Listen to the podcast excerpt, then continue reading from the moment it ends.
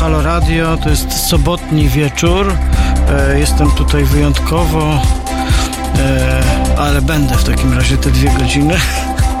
Wykorzystam ten moment. Sobotni, piękny, listopadowy wieczór, ciepły, pogodny, no e, niesłoneczny, bo już słońce, prawda, jest na innej półkuli. W pierwszej części będziemy rozmawiać o Niemczech, o niemieckiej rzeczywistości, polityce najnowszej historii. Jest kilka poważnych pretekstów, żeby o tym rozmawiać. Mamy właśnie rocznicę upadku muru berlińskiego. Mamy też e, niechlubną rocznicę Nocy Kryształowej. Tak jakoś Niemcy wybrali sobie ten dzień, żeby żeby światu dawać znać o sobie. Moim e, rozmówcą będzie dzisiaj Sebastian Płóciennik, doktor habilitowany z Polskiego Instytutu Spraw Międzynarodowych, Dobry specjalista wieczór. od spraw niemieckich, od ekonomii niemieckiej, od Trójkąta Weimarskiego. Starczy? Profesor Uniwersytetu Wistula, tak? Tak. Tak. E, No to właściwie e, co, zaczniemy może od tego muru, tak? Jaki to jest, e, jakie to jest święto dla Niemców dzisiaj, ale prawdę mówiąc, czy dla wszystkich Niemców to jest takie samo święto? Znaczy jednak to pęknięcie na Osi i Wessi, tak? To No ono właśnie, mam, mam wrażenie, że to jest trochę inne święto niż to, które jeszcze obchodzono na przykład 10 lat temu. tamże. Albo nawet tak, 5 lat temu. O, Ponieważ e, w, wtedy świętowano przede wszystkim e, zjednoczenie Niemiec. To znaczy upadek muru był, był, był traktowany wyłącznie jako preludium do tego, o czym wszyscy tak naprawdę po II wojnie światowej marzyli, czyli żeby powstało ponownie jedno e, państwo e, niemieckie. E, Dzisiaj wcale to nie jest takie e, oczywiste, ponieważ e, e, kwestia zjednoczenia rzeczywiście jest e, kluczowa dla tej perspektywy zachodnio-niemieckiej. E, Natomiast, no bo przejęto za bezcen. ale oni nawet, oni nawet te protesty y, rozumieli jako, y, jako no, wolę obywateli NRD, żeby w końcu się zjednoczyć. Natomiast z perspektywy wschodnich Niemców trochę to wygląda jednak y, inaczej. To znaczy oni, y, y, oni chcieliby, żeby ta rocznica koncentrowała się na ich wysiłkach, żeby ten system zdemokratyzować. Bo przed upadkiem muru była opozycja. Słaba, oczywiście nieporównywalna do tego, co było y, w Polsce, nieporównywalna do Solidarności, y, ale jednak ona y, wychodziła od czasu do czasu na ulicę, zwłaszcza w 1989 roku, kiedy no, już było wiadomo, że system zawalił się w Polsce, na Węgrzech przyjechał Gorbaczow i dał wyraźnie do zrozumienia, że nie podoba mu się to, co się dzieje w, w NRD i niemalże skrytykował Honeckera. Y, Zresztą jest, y, jest kasus tej y, demonstracji w Lipsku kilka tygodni przed upadkiem muru, kiedy tysiące ludzi zdecydowało się wyjść na ulicę. I oni, oni napisali nawet, organizatorzy napisali nawet taki apel Wir sind, wir sind ein Volk, jesteśmy jednym narodem który na Zachodzie zinterpretowano jako wezwanie do jedności, wyraz tego marzenia o jedności, a im chodziło o coś innego. Oni zwracali się no, do tych policjantów, milicjantów, e, no, agentów sztazi, którzy stali po drugiej e, stronie barykady. Czyli można powiedzieć, że, że gdzieś u źródła już, już było jakieś nieporozumienie. Niemcy zachodni odpowiadali, my też. Niemcy zachodnie dzisiaj właściwie nie wiedzą, e, nie, nie wiedzą trochę co począć z tą rocznicą, bo oczywiście można, e, można trochę się przy niej ogrzewać jak przy ognisku, a czuć ciepełko, pewien sentyment tej, tej, tych wspaniałych e, trzech dekad i tego pokojowego jednak zjednoczenia państw niemieckich, bo jednak też trzeba powiedzieć, że w latach 70., y, 80. wcale nie było oczywiste, że w ogóle to nastąpi, że nastąpi w tak y, w sumie łatwy y, sposób. Właściwie przez przejęzyczenie, nie? Tak się mówi, że jest taka anegdota, tak jak wystąpił Tak mieli liberalizować przepisy paszportowe. Wystąpił Schabowski, który się pogubił w tym swoim wystąpieniu i zaczął mówić, że właściwie za, za, zostaną wprowadzone przepisy, um, będą umożliwiały wolny e, e, przejazd, możliwość do, na zachód, czy tam do Niemiec zachodnich i ktoś go zapytał, a od kiedy to będzie obowiązywać? Zaraz. I on, I on tam zaczął w tych papierach patrzeć, prawdę mówiąc nie wiedział co powiedzieć, w papierach nic nie było, no i rzucił według mojej wiedzy to natychmiast. A może I... on wiedział, co powiedzieć? może, może. I Niemcy natychmiast zrozumieli to natychmiast, tak jak należy rozumieć natychmiast, bez zbędnej zwłoki i po prostu ruszyli. Okej, okay, ale nawet jeżeli był to przypadek, czy on, y, czy, czy ten przypadek y, no, niejako próbował kwestionować to, co się działo wokół. No nie, on nie. pasował po prostu do całego, całego zbiegu wydarzeń. Ale jak mówisz o tym pęknięciu dzisiaj, o tej trudności z, mm, z taką e, wspólną interpretacją, Niemcy włożyli dużo e, wysiłku w to, prawda, w tą opowieść o tym zjednoczeniu, o tym święcie i tak dalej, to no to mamy dzisiaj ewidentnie taki, taki e, obraz podzielonego państwa, wyraźnie część biedniejszą, zaniedbaną, ale też wykorzystaną przez, e, przez zachodnią część. Ja oglądałem ostatnio taki mini serial kryminalny, są takie bardzo ciekawe, z różnych krajów pochodzą takie seriale takie narodowe wersje takiego, właściwie to są takie teatralne, krótkie filmy, wiesz, kryminalne. I była historia właśnie, e, e, że, która dzieje się obecnie, a dotyczyła właśnie momentu z 89 roku, właśnie tuż po tuż po, czy w okolicach właściwie obalenia muru, no i generalnie E, przesłuchiwała policja przedsiębiorcy zachodnio-niemieckiego, który na początku lat 90. rozbudowywał Berlin. Takie Eldorado to było, tak? Eldorado dla budowlańców z zachodu. E, I policja szukała e, robotnika z Niemiec Wschodnich, który wtedy zaginął, a wiadomo było, że u niego pracował. No nie będę spoilerował, bo właściwie jest taka zagadka, natomiast bardzo piękny sposób i też finezyjnie, tak teatralnie rozegrany było pokazany taki rodzaj absolutnego poczucia wyższości Niemców zachodnich wobec tych Niemców wschodnich. Właściwie z taką cyniczną szczerością opowiadali o tym, jak tutaj oni na tym mogli żerować, bo przychodzili z prawdziwymi pieniędzmi, mieli je i właściwie przestrzeń był dziki zachód wiesz, była preria była do zabudowania, trochę tak. No, powiedziałeś, że, że to jest podzielone państwo. Ja bym powiedział, że państwo jest zjednoczone, społeczeństwo jest podzielone. No tak, tak. Społeczeństwo, bo, bo jeżeli chodzi o państwowość, o instytucje, prawo, y, no, to, to rzeczywiście doszło do y, zjednoczenia, choć tutaj słowo zjednoczenie, trzeba się na chwilkę zatrzymać. Zatrzymajmy się. Jest też, y, jest też dość wątpliwe bo y, no, w konstytucji niemie- zachodnio-niemieckiej były dwie możliwości zjednoczenia. Jedna przenosimy na wschodnie Niemcy nasz dorobek prawny, a druga opcja tworzymy nową konstytucję dla nowego państwa.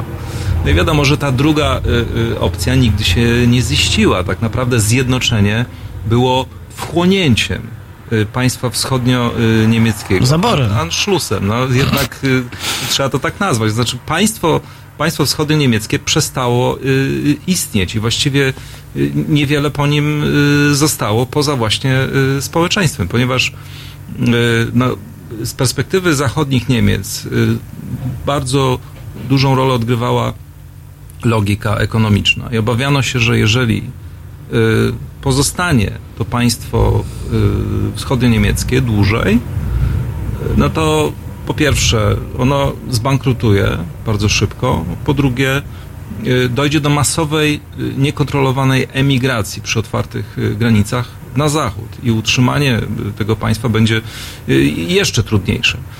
Dlatego zdecydowano się na, na, na no właściwie wchłonięcie tego NRD, choć wiadomo było, że będzie to po pierwsze bardzo drogie, wymagało to ogromnych transferów, y, wbrew optymistycznym przewidywaniom też y, oczekiwano kłopotów. Na przykład Bundesbank y, ówcześnie protestował przeciwko, przeciwko tym transferom, twierdząc, że doprowadzi to tak naprawdę do masowego bezrobocia we wschodnich Niemczech, ponieważ no, produktywność jest jaka jest, a jednocześnie wprowadzono no, bardzo wysokie transfery socjalne i sztucznie podwyższono płace. To znaczy NRD wchodziło do, do, do Republiki Federalnej no jednak jako gospodarka dużo, dużo słabsza, niezrównoważona, właściwie taka trochę niezapisana y, karta, z, z wielu, z, z, tą ogromną pulą jednak y, przedsiębiorstw,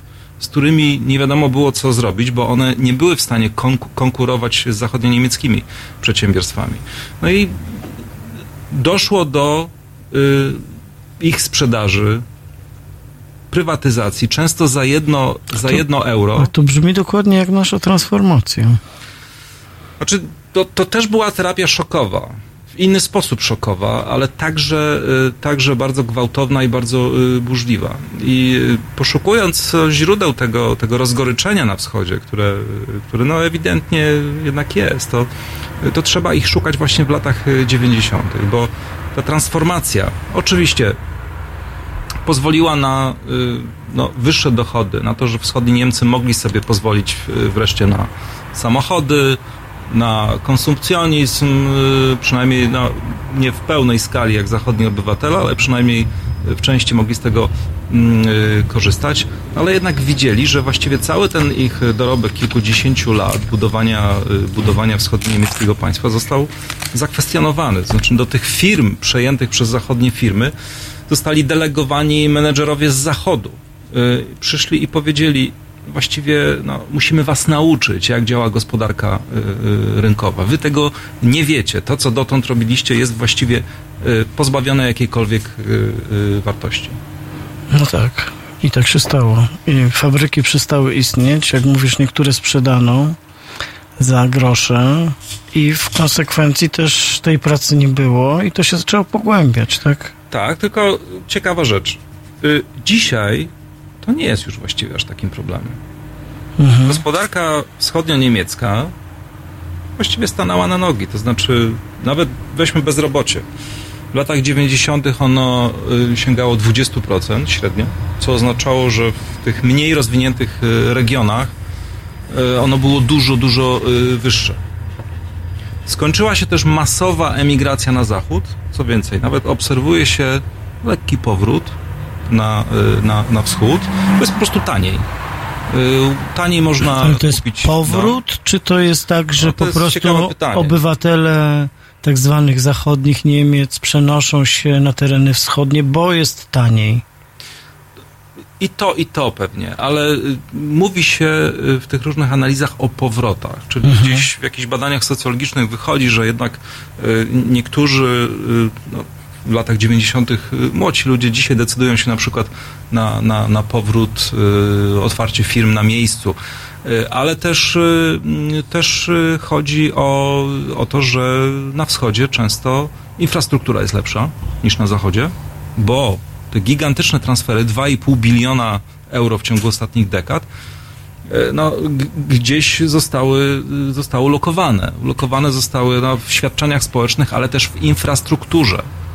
E, I często, e, często no, stan ten, tej infrastruktury w Saksonii jest dużo lepszy niż w nadrenii Westfalii.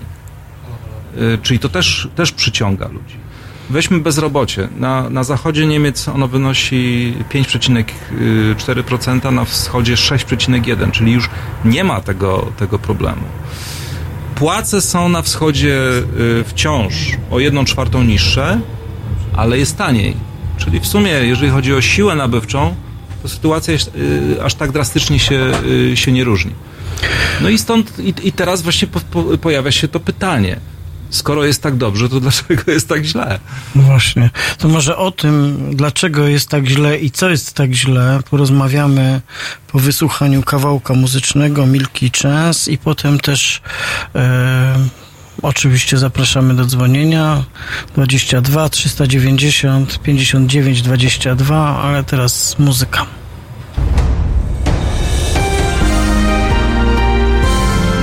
W poniedziałek między 19 a 21 dziennikarz śledczy Tomasz Piątek i tajemnice sługusów Moskwy z polskimi paszportami. 19.21 www.halo.radio. Słuchaj na żywo, a potem z podcastów.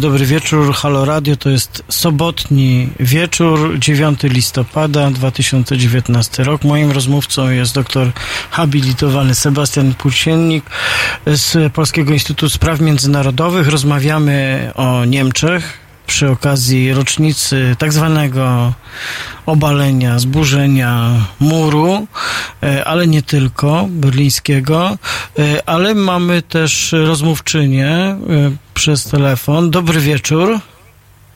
Dobry wieczór. Tak, Ja, słucham. ja dzwonię z Niemiec, Janina. Dobry wieczór E, pani. w, Dobry Niemczech, w Niemczech mieszkam już 32 lata. O, E, wyjechałam kiedyś tam po germanistyce e, w czasie Solidarności, stan wojenny, byłam w Solidarności i tak dalej. Ja się bardzo interesuję polityką.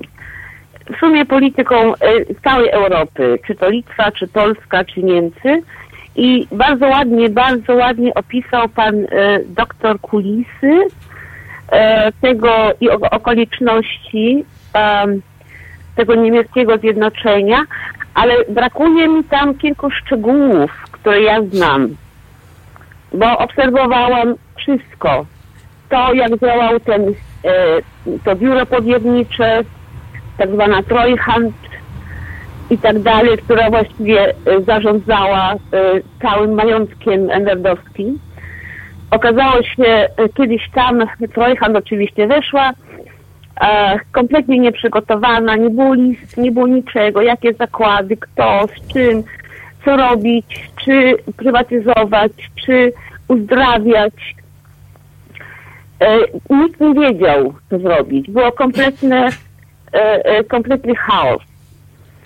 Wczoraj oglądałam, e, jest taki świetny niemiecki, e, niemiecka stacja Phoenix, właśnie historię tego w szczegółach.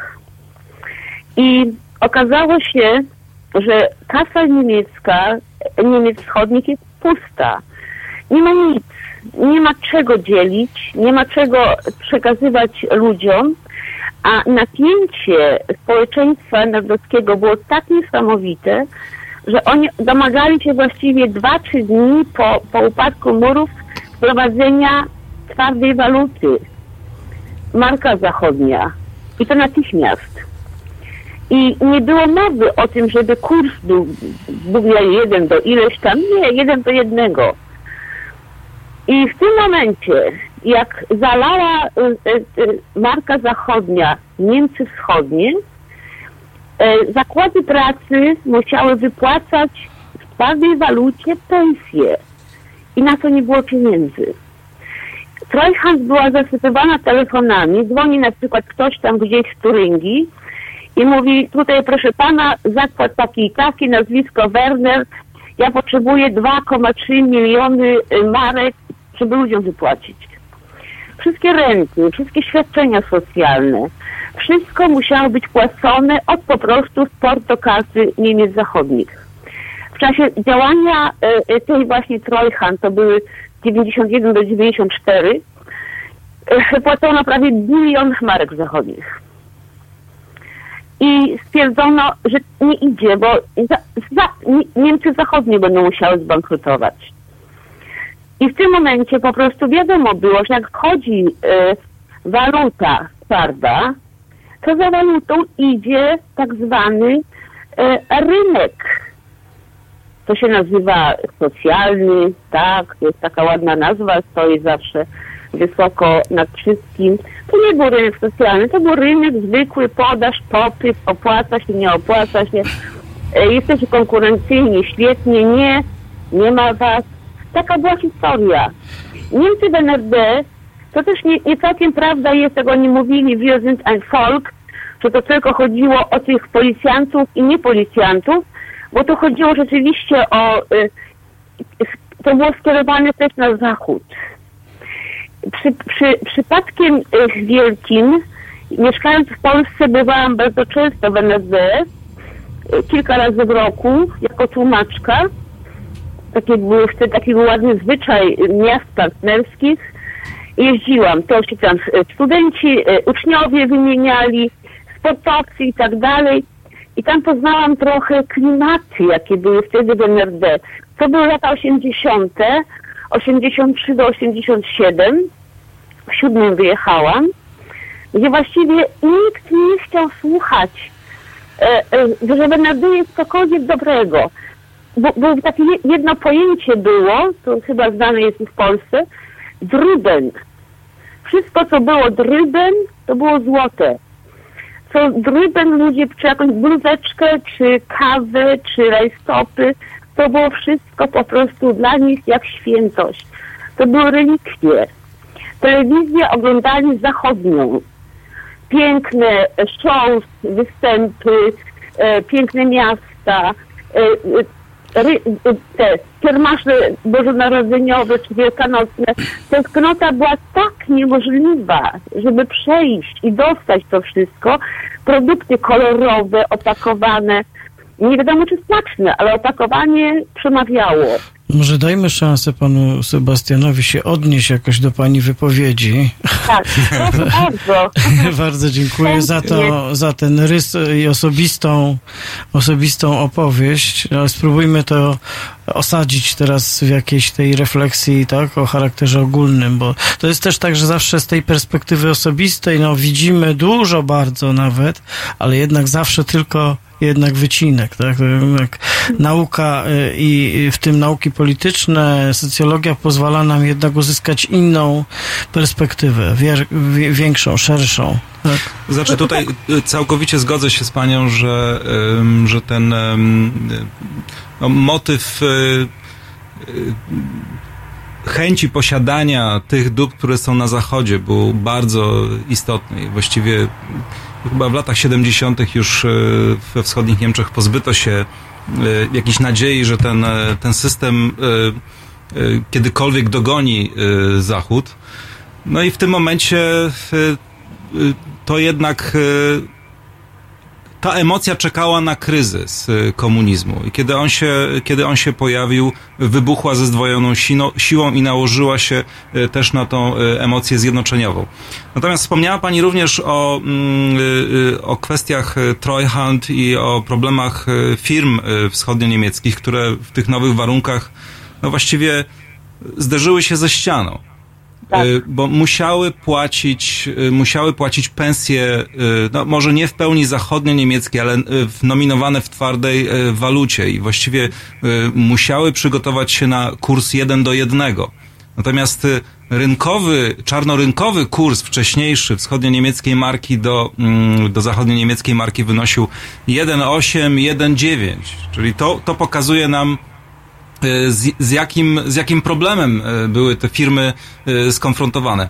Ale jeżeli szukamy jakiejś szerszej, jakiejś szerszej ramy y, dla wyjaśnienia, dlaczego właściwie Niemcy, których kojarzymy jednak z takim zamiłowaniem do porządku, do planowania pewnych procesów, do, do tego, by nie dopuścić do chaosu, zdecydowały się na no jednak tak y, szalone, y, zdezorganizowane zjednoczenie. To nie była no, improwizacja. no improwizacja, prawda? Je- Jednak y, y, no, Znaczy, wygl- wygląda to, że właściwie w ogóle tak zwany nasz obóz, czyli ta nasza część świata, była po prostu kompletnie nieprzygotowana do jego zawalenia się, do, e, no do, do tego, co w, właściwie od 89 roku, od wyborów w Polsce de facto, zaczęło się dziać, bo potem to poszło lawinowo, tak? Polska, Niemcy, potem e, ruszyły kraje Czechy, Rumunia i tak dalej, i tak dalej, tak? czy ja, ja nie jestem pewien, czy te kraje nie były przygotowane, bo y, mniej więcej No, wiadomo Polska było, nie była. y, mniej więcej wiadomo było, w jakim Polska nie kierunku y, nowe władze chcą, chcą zmierzać. Y, konfrontacja kapitalizmu i komunizmu w tamtych czasach y, uznawano, skończyła się y, jednoznacznym zwycięstwem kapitalizmu. To były czasy dominacji neoliberalizmu i też dominacji konsensusu waszyngtońskiego, który właściwie był listą tego, co trzeba zrobić w takich gospodarkach. Tylko, że we wschodnich Niemczech y, doszedł y, y, jeszcze jeden bardzo istotny element i, i, i, i myślę, i, i on różni jednak Polskę, Czechy, Węgry od tego, co się działo we wschodnich Niemczech. Niemcy chcieli przeprowadzić jak najszybciej to zjednoczenie, ponieważ obawiali się, że korzystają z bardzo krótko otwartego okna możliwości. Mianowicie, y, w ZSRR y, jest życzliwa zjednoczeniu władza Gorbaczowa, który przeprowadził perestrojkę. Nie ma aktualnie pieniędzy na to, żeby wspierać y, wschodnie Niemcy. W ogóle najchętniej y, wycofałby się z, z dotychczasowego modelu współpracy z, z państwami satelickimi. Amerykanie również nie mówią nie.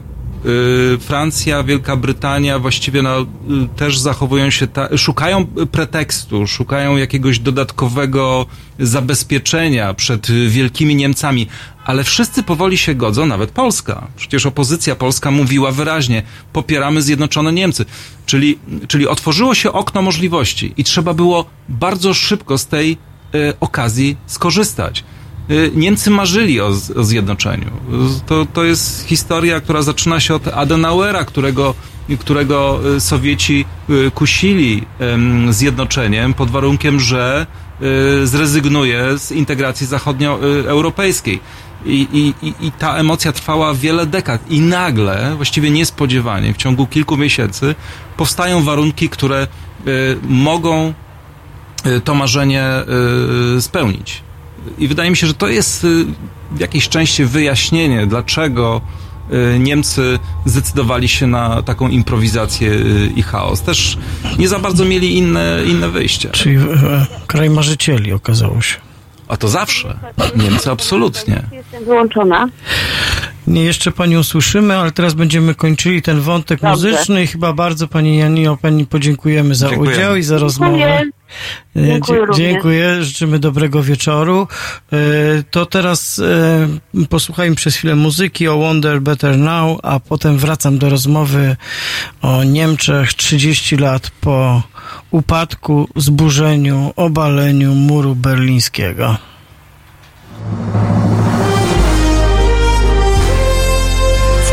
Poniedziałek O poranku między siódmą a dziesiątą budzi Państwa Roman Kurkiewicz, który nawet gdy mówi, to dalej śpi. Halo Poranek od siódmej do dziesiątej. www.halo.radio. Słuchaj na żywo, a potem z podcastów. Been through it all and I wait for the call just to know if you're better now.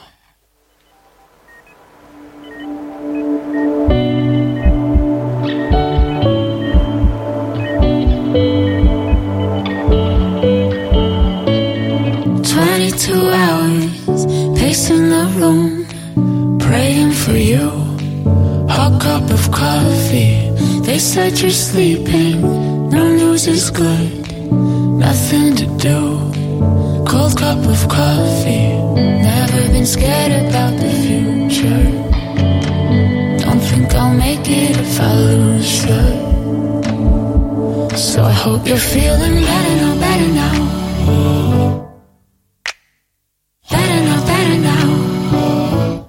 Yeah, I hope you're feeling better now, better now. And they've lifted the dark clouds. Cause you've been through it all, and I wait for the call just to know if you're better now.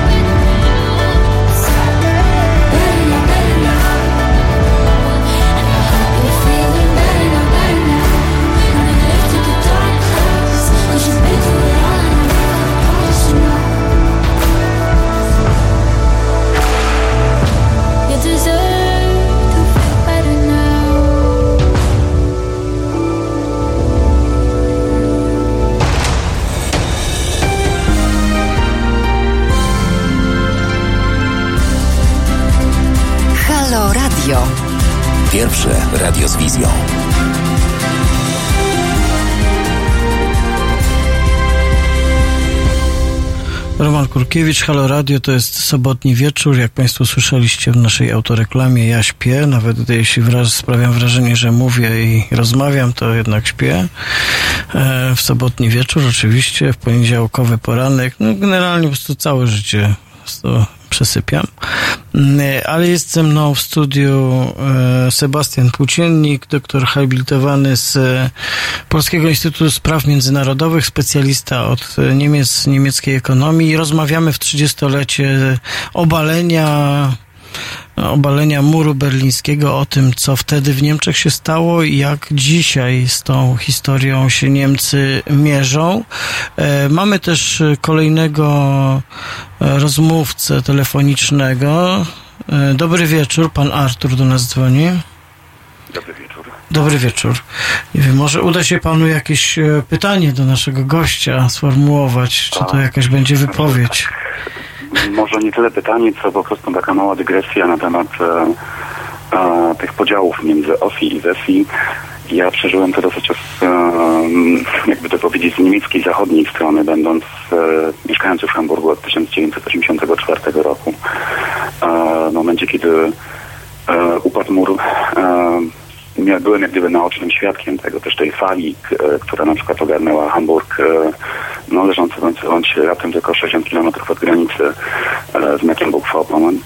I e, gdzieś e, po prostu e, ten podział, który, o którym e, Pan wspominał, o którym mówiliście, em, który istnieje do dzisiaj, tak? Nie będę tego po prostu e, relacjonalizował, opowiadał ze strony socjologicznej, czy też politycznej. Może tylko dwie dygresje. Faktycznie Niemcy do dzisiaj nie posiadają jak gdyby konstytucji w tej formie, której my byśmy to nazwali, na przykład nazywając to też e, Verfassung, tylko mają swój Grundgesetz, który został jak gdyby narzucony w cudzysłowie e, e, byłym, e, byłej NRD. Um, I faktycznie były plany, żeby stworzyć nową konstytucję, nazwać to już też tak, jak powinno to być nazwane. E, takie plany też były wcześniej, dlatego nigdy nie nazywano tego konstytucją, tylko jakby prawem podstawowym. Ustawa zasadnicza. Ustawą podstawową. Słucham? Ustawa zasadnicza, chyba tak. Tak, nazwa. tak można to przetłumaczyć dokładnie. E, natomiast e, jeszcze jedna dygresja. Mówi się złośliwie, że zostało to tak chaotycznie wszystko przeprowadzone, ponieważ kanclerz Kohl koniecznie chciał zostać kanclerzem tysiąclecia i zjednoczenia Niemiec. To tak trochę bardziej żartobliwie. I dlatego tak bardzo w tym momencie zostało to wszystko gdyby wrzucone na gorąco, bez przygotowania, bez jakiegoś takiego większego e, em, przemyślenia też z, mojej, z mojego punktu widzenia. Ale co, co dzieli w tym momencie? Na pewno to, co Państwo mówiliście o tym, jak bardzo pieniądze grały rolę. Ja pamiętam nerdowców, którzy przyjeżdżali e, do Hamburga e, i na przykład były przepychanki w, sklepach o, o wózki, o parkingi.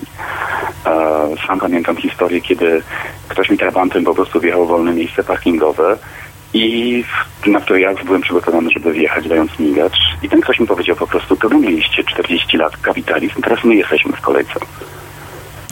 Dobry argument. Trochę mnie zamurowało. Sięgać po E, takie argumenty, przyznam- żeby zdobyć miejsce parkingowe? A, Tak, tak, mocny polityczny zasadzie, argument. No tak, tylko że to w tym momencie jak gdyby nie współdziałało temu, ku temu, żeby, e, żeby to po prostu, żeby nas jednoczyć, tylko raczej było to takie, dalej, dalszy taki sztuczny podział na zasadzie wy mieliście dobrze, teraz my jesteśmy.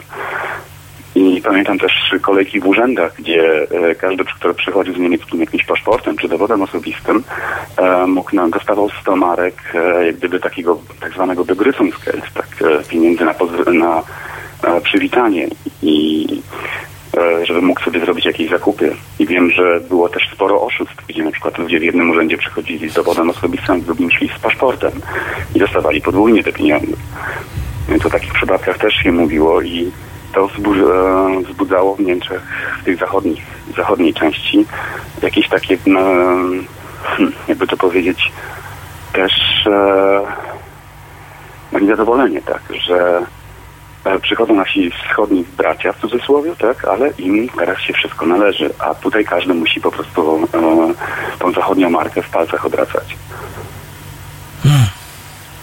I mówimy teraz o takich e, normalnych ludziach, tak? Normalnie ciężko pracujących, zarabiających, którzy po prostu e, nagle zostali obarczeni też e, takim wynalazkiem jak Solidarity Suszlak, czyli e, dokładka solidarnościowa jak gdyby do zjednoczenia Niemiec, który notabene funkcjonuje do dzisiaj.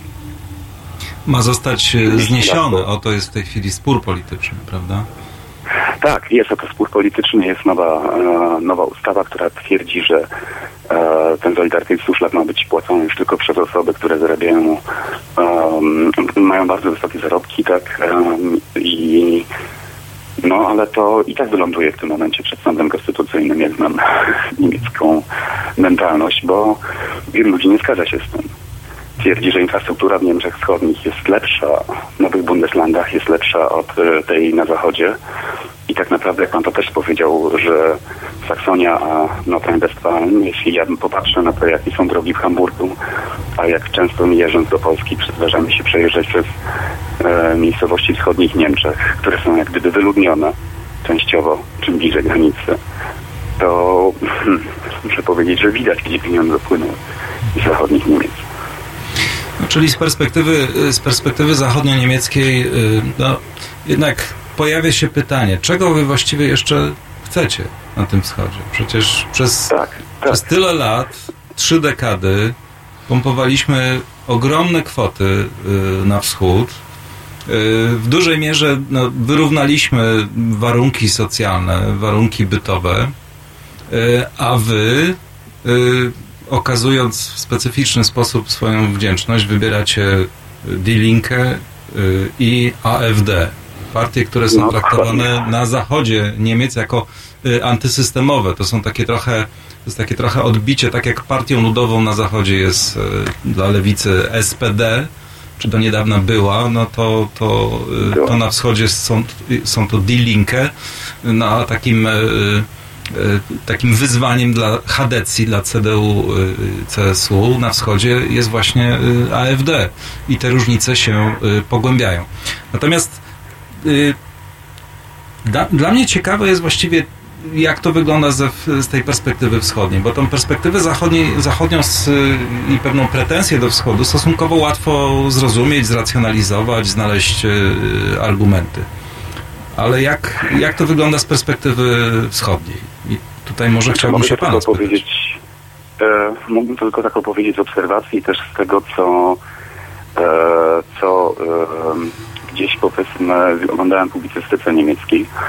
E, wydaje mi się, że jest to to, co już Państwo też poruszyliście, to, że e, NRD zostało jak gdyby rozebrane, e, sprzedane, że ta Treuhandanstalt popełniła masę błędów, było masę nieuczciwych sprzedaży, gdzie miała być jakby prywaty- gdzie nastąpiła prywatyzacja, a po prostu ludzie, którzy to chcieli jak gdyby odkupić od e, Treuhandanstalt, e, e, zgarniali pieniądze i znikali.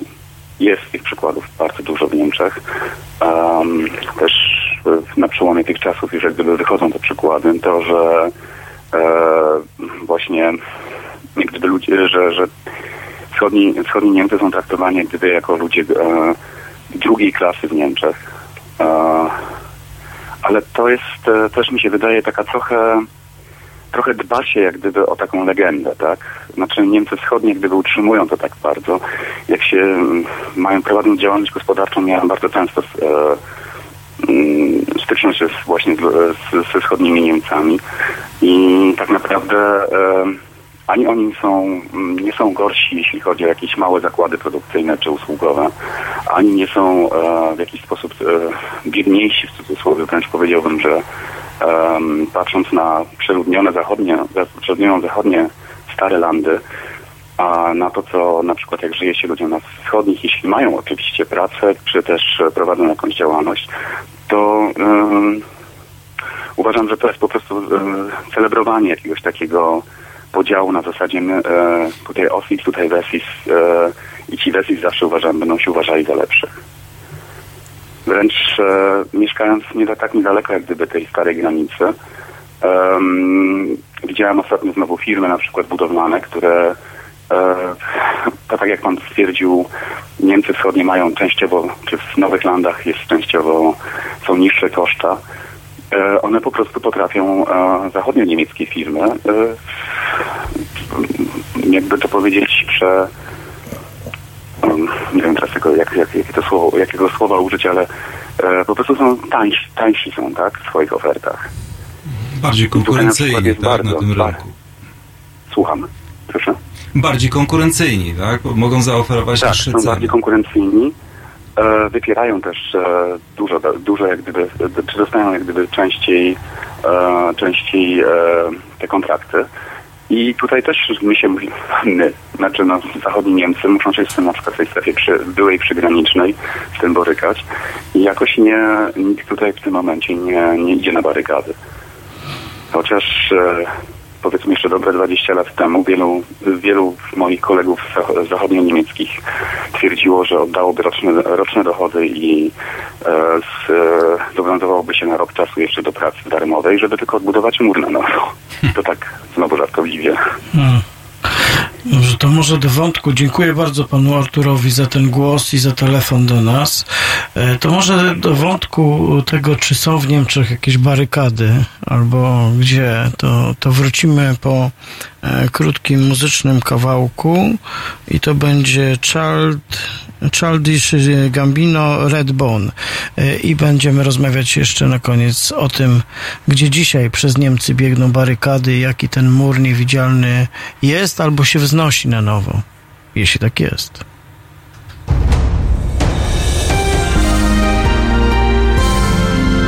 W środę Od 21 do 23 telefony od państwa odbiera dr Tomasz Kowalczuk, politolog i filozof. Rozmowa, dialog, zrozumienie i żadnej agresji. 21-23. Zapraszamy. www.halo.radio. Słuchaj na żywo, a potem z podcastów.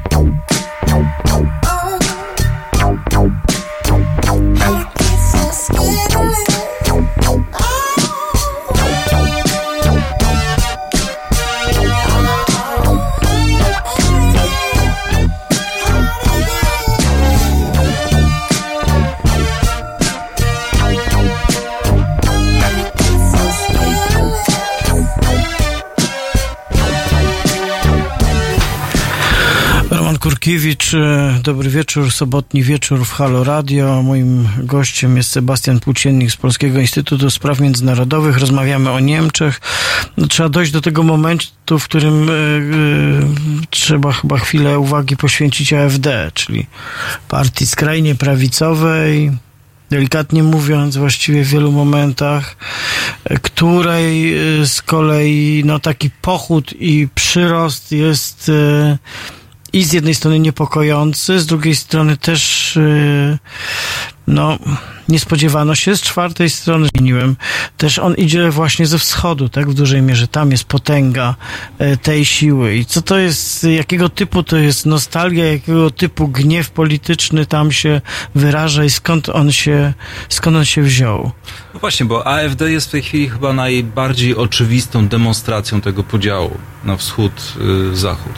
No partia y, na zachodzie nie uzyskuje takiego poparcia. Kilka procent, maksimum, maksimum 10. Natomiast na, na, na wschodzie y, cały czas zdobywa nowych, y, y, nowych y, zwolenników. No i y, przyjrzyjmy się w ogóle najpierw temu, jak działa, y, jak działała AfD w przeszłości. To była partia kryzysów. To, to było ugrupowanie, które potrzebowało, jak tlenu, y, jakichś tąpnięć w polityce. I zaczęło, zaczęło swoje istnienie od kryzysu strefy euro. Gdy ten kryzys y, y, przestał odgrywać aż taką istotną rolę, y, partię uratował kryzys uchodźczy i otwarcie granic przez Angelę Merkel dla uchodźców z Syrii, z Bliskiego, Bliskiego Wschodu. Wydaje mi się, że, że, że wtedy na wschodzie Niemiec, zwłaszcza tam, pojawił się, pojawiła się taka emocja protestu, że proszę bardzo, Merkel poświęca tyle uwagi y, osobom, które są spoza Niemiec. Nie znamy ich. Oni są obcy dla nas. Właściwie to niespecjalnie się o nich y, troszczymy, ponieważ sami mamy tutaj ogromne problemy. I tym problemom elita polityczna RFN nie poświęca aż tyle uwagi. Nie koncentruje się na nich. Wydaje mi się, że tutaj ten resentyment tej transformacji, która była tak kosztowna dla wschodnich Niemców, bo to był okres i wysokiego bezrobocia, i też potężnej emigracji na zachód, która podcięła możliwości rozwojowe wielu miast y, wschodnio-niemieckich. Tam po prostu było poczucie, że nie mamy szans nawet na dogonienie Zachodu. Nie dano nam y, możliwości te warunki, które y, powstały, grały na naszą y, niekorzyść. Y, I, I ta emocja tliła się też w, w poparciu dla, dla, dla partii typowo wschodnio-niemieckich. Z jednej strony po lewej stronie była to PDS, później Die Linke, ale gdzieś na obrzeżach też powstawały partie skrajnie prawicowe. I wydaje mi się, że AfD świetnie to wszystko zebrała, przestała y, traktować to wyłącznie jako jednostkowy kryzys, uczyniła z tego po prostu pomysł polityczny. A czy też nie jest, y, czy nie jest istotny taki element, który mówi o tym, że te zachodnie Niemcy jednak w jakiś sposób, ale też może dzięki e, e, rokowi 68, ale też latom Oczywiście. 70 przepracowały jakby Oczywiście. dość mocno e, swój, e, swoje te ciągoty, resentymenty, nazwijmy je f- faszyzująco-rasistowskie. Że właśnie coś takiego się stało. W NRD tej pracy e, nie wykonano. Nie wykonano, bo też y, kiedy? No właśnie. Pamiętam, że w, w 1989 roku jako nastolatek pojechałem na, bo mieszkałem w Zielonej Górze, y, pojechałem na obóz młodzieżowy do, do, do wschodnich Niemiec. I to był, to był bardzo ciekawy moment, bo Polacy na takim obozie międzynarodowym, socjalistycznym, byli Bułgarzy, Węgrzy, byli jednak już traktowani troszeczkę podejrzliwie. Właściwie nie wiadomo, co z nimi y, zrobić. I pamiętam, że rozmawialiśmy z młodymi Niemcami i co, co, co mnie uderzyło, to to, że właściwie większość z nich Niemcami jest NRD. tak, są właściwie bardzo nacjonalistyczni. Tam, tam są, tam jest raczej y, nie, nie tyle potrzeba demokracji, ym, wolności słowa, co raczej podkreślenia, y, y, jak ważne są y, Niemcy, że powinniśmy wrócić do, do dawnej siły. No, to, to było jednak dość szokujące. Niewiele z tego wtedy rozumiałem, ale jednak do dziś to zapamiętałem. Nie było edukacji demokratycznej, nie było przerabiania trzeciej Rzeszy przez wschodnich Niemców. Oni się traktowali jako ofiary trzeciej Rzeszy. Na koniec jeszcze zapytam o coś takiego. Mamy dzisiaj potężne Niemcy, najpotężniejszy kraj e, Europy, tak? Jeden po prostu, no, e, e, kraj, który dominuje gospodarczo, e, kapitałowo, rozwojowo i tak dalej, i tak dalej. Z drugiej strony pojawiają się te napięcia, które są jakby z, trochę z innego świata jednak. I, e, i, i zastanawiam się, na ile e, na ile to jest po prostu głębszy problem związany z kapitalizmem i napięciami takimi, na ile też Niemcy nie są, nie, nie widzą tej swojej pozycji dominującej w Europie w tym starciu z Grecją, prawda, która de facto była w interesie niemieckim, niby prowadzona przez Europę, e, to, to jakby to, był, to była sprawa, którą wygrały Niemcy, tak, które na tym zarobiły. E, I Niemcy są potężnym krajem, a z drugiej strony właśnie ten, ta świadomość w ogóle jakby się do tego nie odnosi. No, mówi się, że to jest taki niechętny y, hegemon. Znaczy, Niechętny hegemon. Tak, taki y, trochę leniwy hegemon. To znaczy oni są rzeczywiście potężni w sferze gospodarczej, mniej więcej mają zdefiniowane y, interesy. Otwarty handel, ochrona wierzycieli, bo to są cechy takiego państwa handlowego, którym Niemcy stały się po y, tym cudzie gospodarczym lat y, 50. I co ciekawe, to państwo handlowe robiło sobie interesy, ale parasol y, dóbr, globalnych dóbr publicznych rozpiął kto inny. Amerykanie, NATO, y, wspólnoty y, europejskie. Niemcy oczywiście finansowały to, współfinansowały to, ale nie chciały y, przejmować bezpośredniej odpowiedzialności za to. I właściwie dzisiaj to do, dokładnie y, obserwujemy. Nie- Niemcy stały się y, potężne, a jednocześnie no właściwie cały czas dość wsobne. Nie są, nie są y, zainteresowane tym, by rzeczywiście zacząć produkować y, międzynarodowe dobra y, publiczne. No to już jest chyba temat na jakąś kolejną rozmowę tak. i na kolejne spotkanie. Bardzo dziękuję. E, Sebastian Płóciennik z Polskiego Instytutu Spraw Międzynarodowych, specjalista od spraw niemieckich, był moim rozmówcą i Państwa gościem. Dziękuję za zaproszenie. Dziękuję bardzo. W 30-lecie obalenia muru berlińskiego taką rozmowę odbyliśmy, a o wielkich Niemcach, Niemczech będziemy rozmawiać może jeszcze przy innej okazji. Bardzo dziękuję za rozmowę. Halo Radio to jest.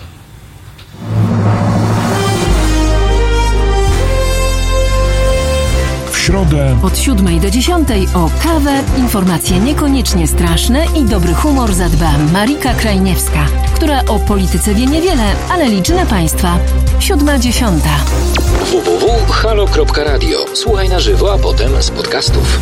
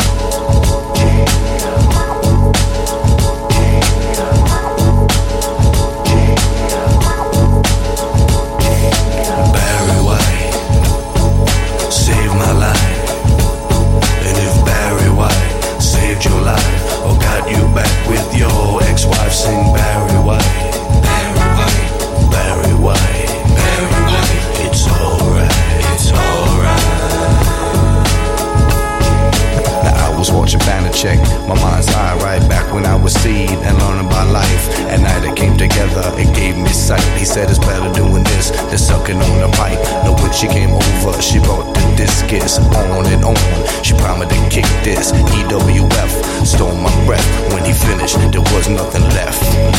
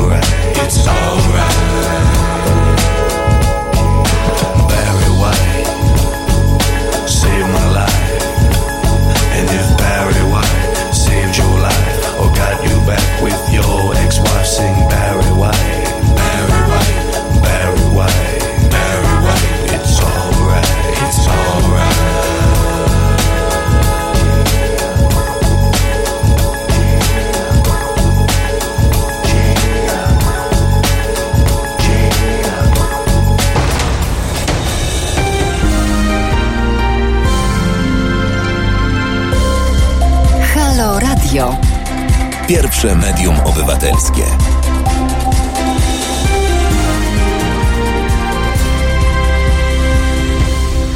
Dobry wieczór, raz jeszcze Roman Kurkiewicz, Halo Radio, sobotni wieczór. Trochę dziwnie siedzimy z moim gościem, ale e, Państwo tego na razie nie widzicie, ale siedzimy po prostu e, na naszych rowerach, ponieważ o tym będziemy rozmawiali i przyjechaliśmy na rowerach. Jest ze mną Tadeusz e, Baranowski, który no, jeździ rowerem dużo i e, w taki mm, też e, bezwzględny sposób o tym opowiada, wrzucając informacje podczas szalejącego deszczu, zawieruchy. Mówi, jest za zimno, to nie jest czas na rower i dlatego właśnie jadę, robiąc kolejne dziesiątki kilometrów, a w skali roku to jest teraz ile ty przejeżdżasz? Już zapomniałem, ile tysięcy kilometrów? Dobry wieczór. To zależy w którym roku. No to w tym roku, najlepszym. No ten jest najlepszy Ten, jak na razie. no. Na razie 13,5 tysiąca. A, Czyli tam 13,5 tysiąca na razie przejechał, a chcesz przejechać 15, Chcę tak? przejechać 15. 15. No taki jest cel 15 tysięcy kilometrów w ciągu roku na rowerze, ponieważ właściwie rowerem jeździsz zawsze i wszędzie, niemalże. Rowerem zawsze i wszędzie jeżdżę tak, w takim sensie transportowym, ale też uważam się za osobę uzależnioną i no ze wszelkimi tego konsekwencjami. Jestem Tadeusz, jestem... Tak, jestem Tadeusz, jestem jestem- uzależniony, siedzę na rowerze w studiu radiowym. Ale dlaczego ja siedzę? Roman, A, bo który- jestem współuzależniony. E, Tadeusz mi imponuje, też siedzę na swoim rowerze e, e, w studiu radiowym. Po kolejnym wejściu pewnie zlikwidujemy te rowery, znaczy postawimy je pod ścianą, żebyście Państwo zobaczyli, że naprawdę mamy tutaj rowery. One tu są, ja sprób- mogę się trochę cofnąć, wtedy nie, nie będzie mnie słychać, ale może będzie widać rower. No tylko się tak, ostrożnie, już się cofa. Wycofuje się, widzi Państwo? Ja też się wycofam, nie? Nie wiem, czy to widać. Ja w ogóle czuję się trochę nieswojo, ponieważ w tym radiu są kamery i to jest takie dla mnie trochę dziwne. Nowoczesne radio. XXI-wieczne, Nowoczesne ja... radio internetowe muszą być kamery, no bo wiem, musi być no wiem, ja wiem, wiem. J, JT musi być i, e, i, i dlatego tak jest. Znaczy, generalnie y, chciałem, żeby pogadać trochę luźniej w taki sobotni wieczór, ale właśnie o tym, że y, dla ciebie, no być może to jest kwestia tego uzależnienia, o którym wspomniałeś, ale właściwie jeżdżenie rowerem po mieście, przemieszczanie się po takim mieście jak Warszawa y, o każdej porze roku jest czymś właściwie, można powiedzieć, naturalnym. Prawda? Tak, to jest naturalne i e, dla wielu ludzi to nie jest może zrozumiałe, ale ja uważam, że każdy powinien w ten sposób. Oczywiście są wyjątki, są osoby, które e, nie mogą, które już nie mogą, które nigdy nie mogły, ale to są naprawdę bardzo nieliczne wyjątki. To są też wyjątkowe sytuacje, w których e, można się znaleźć. Ja też się w nich znajduję regularnie. Jestem właścicielem samochodu, z którego czasem korzystam, ale tak na co dzień, kiedy się przemieszczam z punktu A do punktu B, tylko ja, bez, e, nie wiem, tam wersalki, powiedzmy, no to nie widzę jakiegoś szczególnego powodu, żeby nie jechać rowerem. Przy wersalce Wiesz co, no nie zawsze, no bo czasem korzystam z roweru cargo, ale przyznaję, że jestem wygodnym człowiekiem i przy wersalce zazwyczaj jednak biorę samochód. Ale, ale tak, no, no czasem wożę y, zadziwiająco duże rzeczy rowerem, ale to powiedzmy jest większe wyzwanie. No Ostatnio i nie widziałem, każdy że musi. wiozłeś rower. Tak, no ostatnio wiozłem rower rowerem, można. Ja prawdę mówiąc też kiedyś wiozłem rower rowerem. Mm, No to nie jest y, łatwe. Znaczy jak wiozłem y, rower dziecięcy, no to jeszcze jako tako, ale kiedyś wiozłem duży rower, no to się namęczyłem. Ja nie miałem roweru cargo, tylko właściwie gdzieś go do pleców miałem przytroczonego. No ja bardzo często wożę rower rowerem, dlatego Aha. że jak wiozę rower do serwisu i ten rower tam zostaje, to, To mi się... No właśnie, no nie chcę chodzić. Więc... Nie chcę chodzić, jest przeciwnikiem chodzenia. Nie, nie, no to znaczy, wiesz, chodzenie jest dobre i naturalne i trzeba chodzić. Ja się pilnuję, żeby trochę chodzić, bo nasze organizmy nie są przystosowane do tego, żeby w ogóle nie chodzić, no ale, mm, ale wolę rower. No więc e, biorę sobie Veturilo, czyli rower publiczny. Na ostatnim odcinku przesiadam się na Veturilo. Biorę sobie swój rower prawą ręką i tak go sobie holuję. To nie jest jakiś szczególny problem. Kiedyś woziłem też rower E, na ramieniu. E, czyli na jednym rowerze jechałem, a drugi brałem sobie tak e, na ramię, ale to jest bardzo niewygodne i no cóż, teraz uważam, że jestem już za stary na to po prostu. No tak, mam za stary kręgosłup na to, żeby wziąć kilkanaście kilo, czy kilka nawet kilo w ten sposób na ramię, niesymetrycznie i to jeszcze wieść, no to po prostu potem boli. No spróbujmy, spróbujmy może w tej pierwszej części jeszcze podsumować takie korzyści, które rower, słychać rower. Chyba nie słychać, znaczy ja kręcę sobie pedałami, ale nie wiem, czy go słychać, bo Nie wiem. mikrofon jest daleko. Słychać? Teraz nie, a teraz Słychać go? Tak, słychać. słychać. Widzicie, proszę nawet, nawet jak stoi w studiu na rowerze, to musi kręcić. Rzeczywiście to może jest jednostka chorobowa. Tak, tak, ona się nazywa cykloza i to można zbadać i tam ocenić nawet jak stopień. legendarna knajpa swego E, czasu na ulicy Chorzej, wydaje mi się. Ale nie ma już cyklozy. Tak, jak legendarna knajpa. Potwierdzam, chociaż nie jestem bywalcem knajp w ogóle. Znaczy to Nie mam czasu kawiarnia. być w knajpach, bo jeżdżę na rowerze. Tadeusz, generalnie tak. Jeżdżąc po takim mieście jak Warszawa rowerem jest tak, na pewno szybciej, przeważnie, przynajmniej na takich umiarkowanych dystansach, tak? Na pewno zdrowiej e, i na pewno niebezpieczniej. Mm, Nie, nie, nie. Nie, nie, nie. nie. Mhm. To znaczy, z którą nie zgadzasz się częścią mojego Mm, brawurowego tutaj Zastanawiam się, czy się zgadzam z jakąkolwiek. To znaczy, świetnie. e, w godzinach szczytu oczywiście jest szybciej, e, no bo wszyscy samochodziarze bawią się w stanie w korku. Ja się w to oczywiście nie bawię, e, więc jestem szybciej. Poza godzinami szczytu, no to jednak oni zwykle wygrywają. Mm, Teraz przyjechałem do ciebie z e, Bielan, miałem 10 kilometrów, czy 11, 11 miałem kilometrów, jechałem no, ponad pół godziny. No samochodem byłbym tutaj w kwadrans. No więc nie szybciej, prawda? Mm. A metrem, metrem. Jeszcze padało w dodatku. Mogłeś No mogłem metrem, ale nie lubię. Mój rower nie lubi jeździć metrem. rower, rower, który nie lubi metra. E, on ma w ogóle bogatą osobowość, ma też imię, takie jak twoje, ale to o tym potem. Ale to jest, y, to jest ten roman czarny? Tak, to jest roman. Czarny roman. To jest czarny roman. Czarny roman.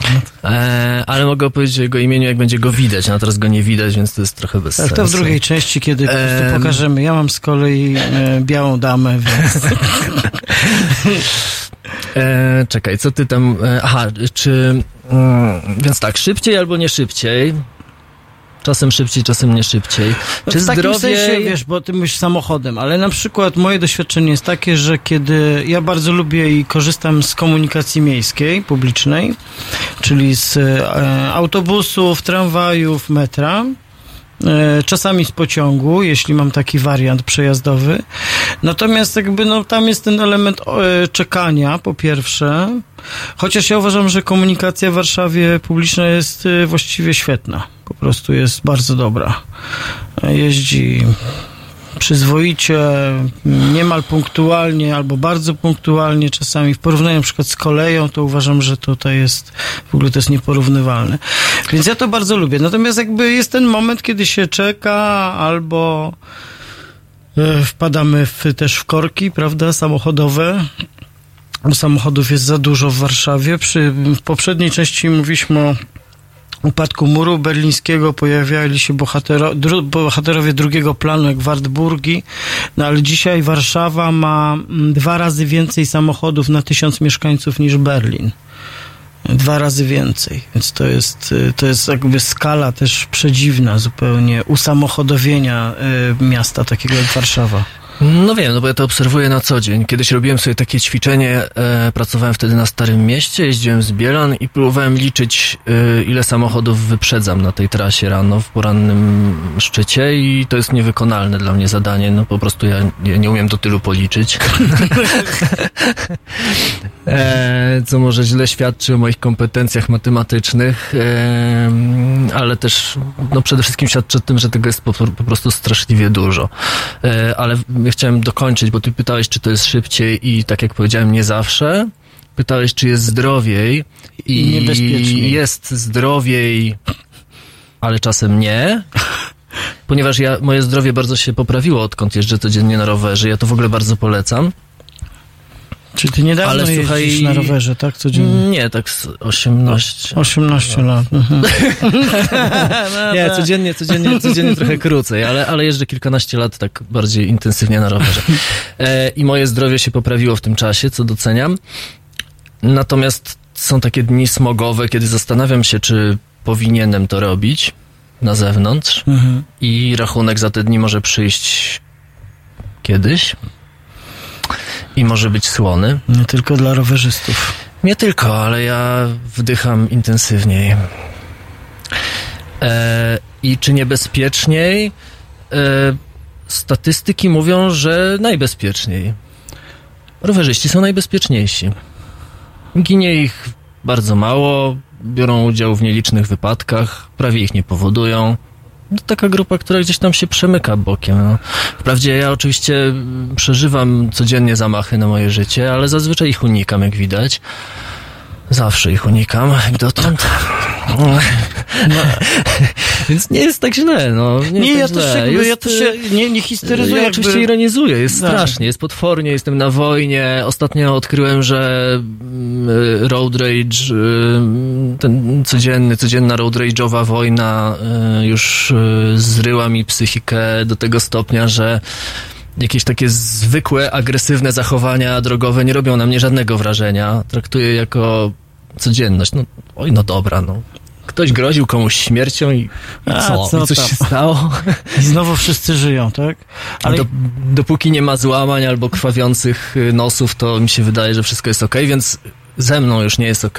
Chyba nie. Jest, jest strasznie na zewnątrz, ale, e, ale, ale wiesz, statystyki są takie, że spoko, najlepiej być rowerzystą, Wiesz, najgorzej ja- być pieszym. Ja jeżdżę w nieporównywalnie mniej intensywny sposób od ciebie, ale właściwie też przez e, ostatnie mniej więcej 10 lat e, jeżdżę mm, no tak jak się powinno jeździć. To znaczy, że jeśli, e, jeśli jest droga dla rowerów, że też nawiążę do poprzedniej części programu, czyli DDR, to, to jadę to jadę tą drogą. Jeśli nie, no to staram się właściwie niemal zawsze jechać po prostu drogą zwykłą, bo takie jest obowiązujące prawo.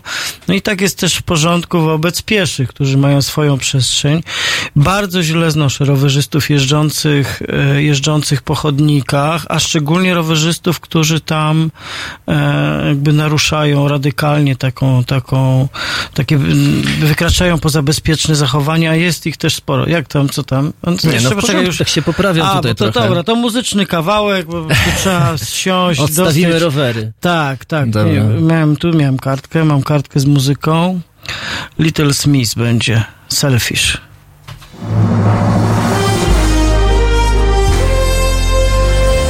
We wtorek. O poranku między siódmą a dziesiątą prawdziwy człowiek orkiestra Tomek Końca. Obudzi nawet umarłych. Siódma, dziesiąta. www.halo.radio. Słuchaj na żywo, a potem z podcastów.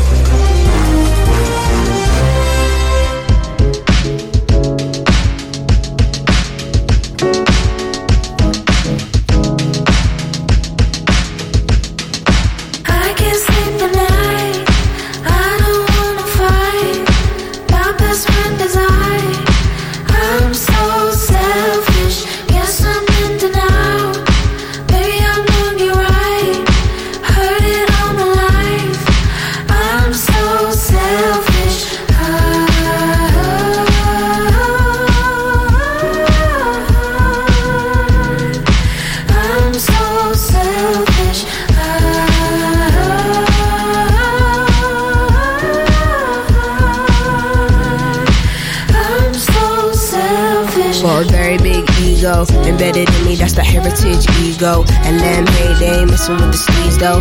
And now I'm paying, can't entertain no bummy niggas. Need my nigga fresh in a tuxedo. Me and my Luke Cage steady blowing weed smoke. I'm a woman who can teach you a little something about class. Diamonds will forever be a girl's best friend. Everything's imperative for the way I live. I know it's material but not irrelevant. All this here is worked for, not inherited. Told myself I rate my niggas up and never did. Self loving, need more self loving. That's how it goes. They wanna know you when you're buzzing. The first things first, number one, I'm priority. Really what you want doesn't phase, doesn't bother me, honestly. I can't sleep at night.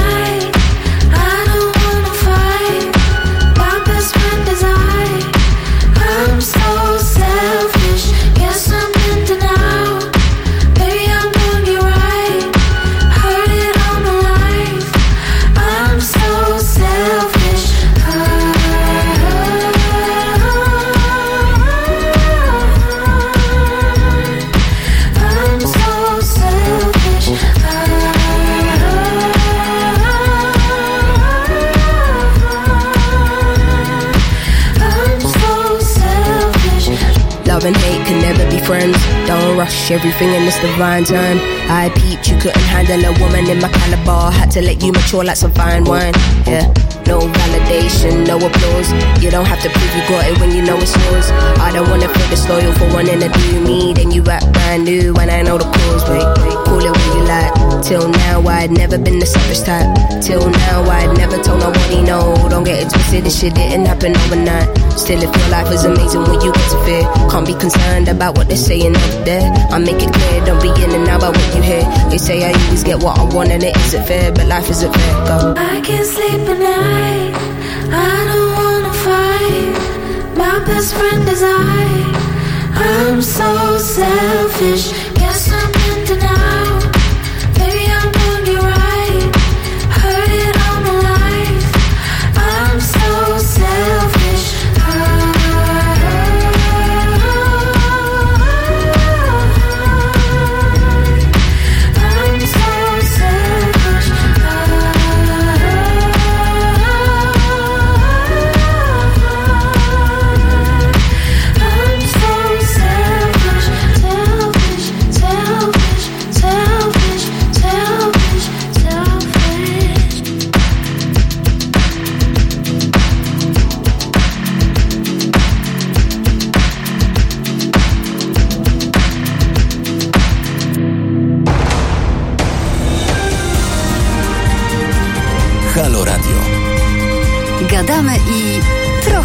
Gramy.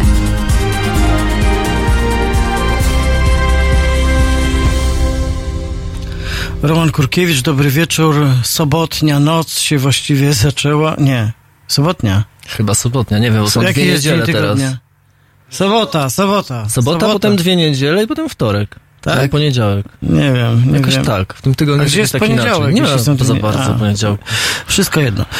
E, Tadeusz Baranowski jest e, moim gościem w tej części programu. E, Przyjechał na rowerze, zresztą podobnie jak ja.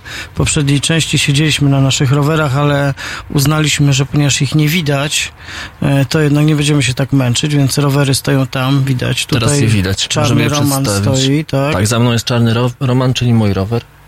Tutaj proszę bardzo, Czarny połączenie rower. czerni i różu typowe dla czarnego Romana. Wiadomo. E, U mnie jest, u mnie jest e, takie złe kolory, biało-czarne. Złe jak zły. Tak, złe jak AKS zły, tak jest. Chociaż rower jest starszy od klubu AKS zły, e, no ale ma swój, ma swój urok. Ma swój urok. Byliśmy przy bezpieczeństwie. Państwo też tutaj na czacie pytacie na przykład, czy jeździmy w kaskach. No tutaj możemy zadowolić wszystkie grupy, bo Tadeusz jeździ zawsze w kasku, a ja powiem ostrożnie tak. Otóż mam kask od jakiegoś czasu. E, Ale też przyznam się, że właściwie zupełnie irracjonalny sposób jednak no nie jeżdżę stale w kasku.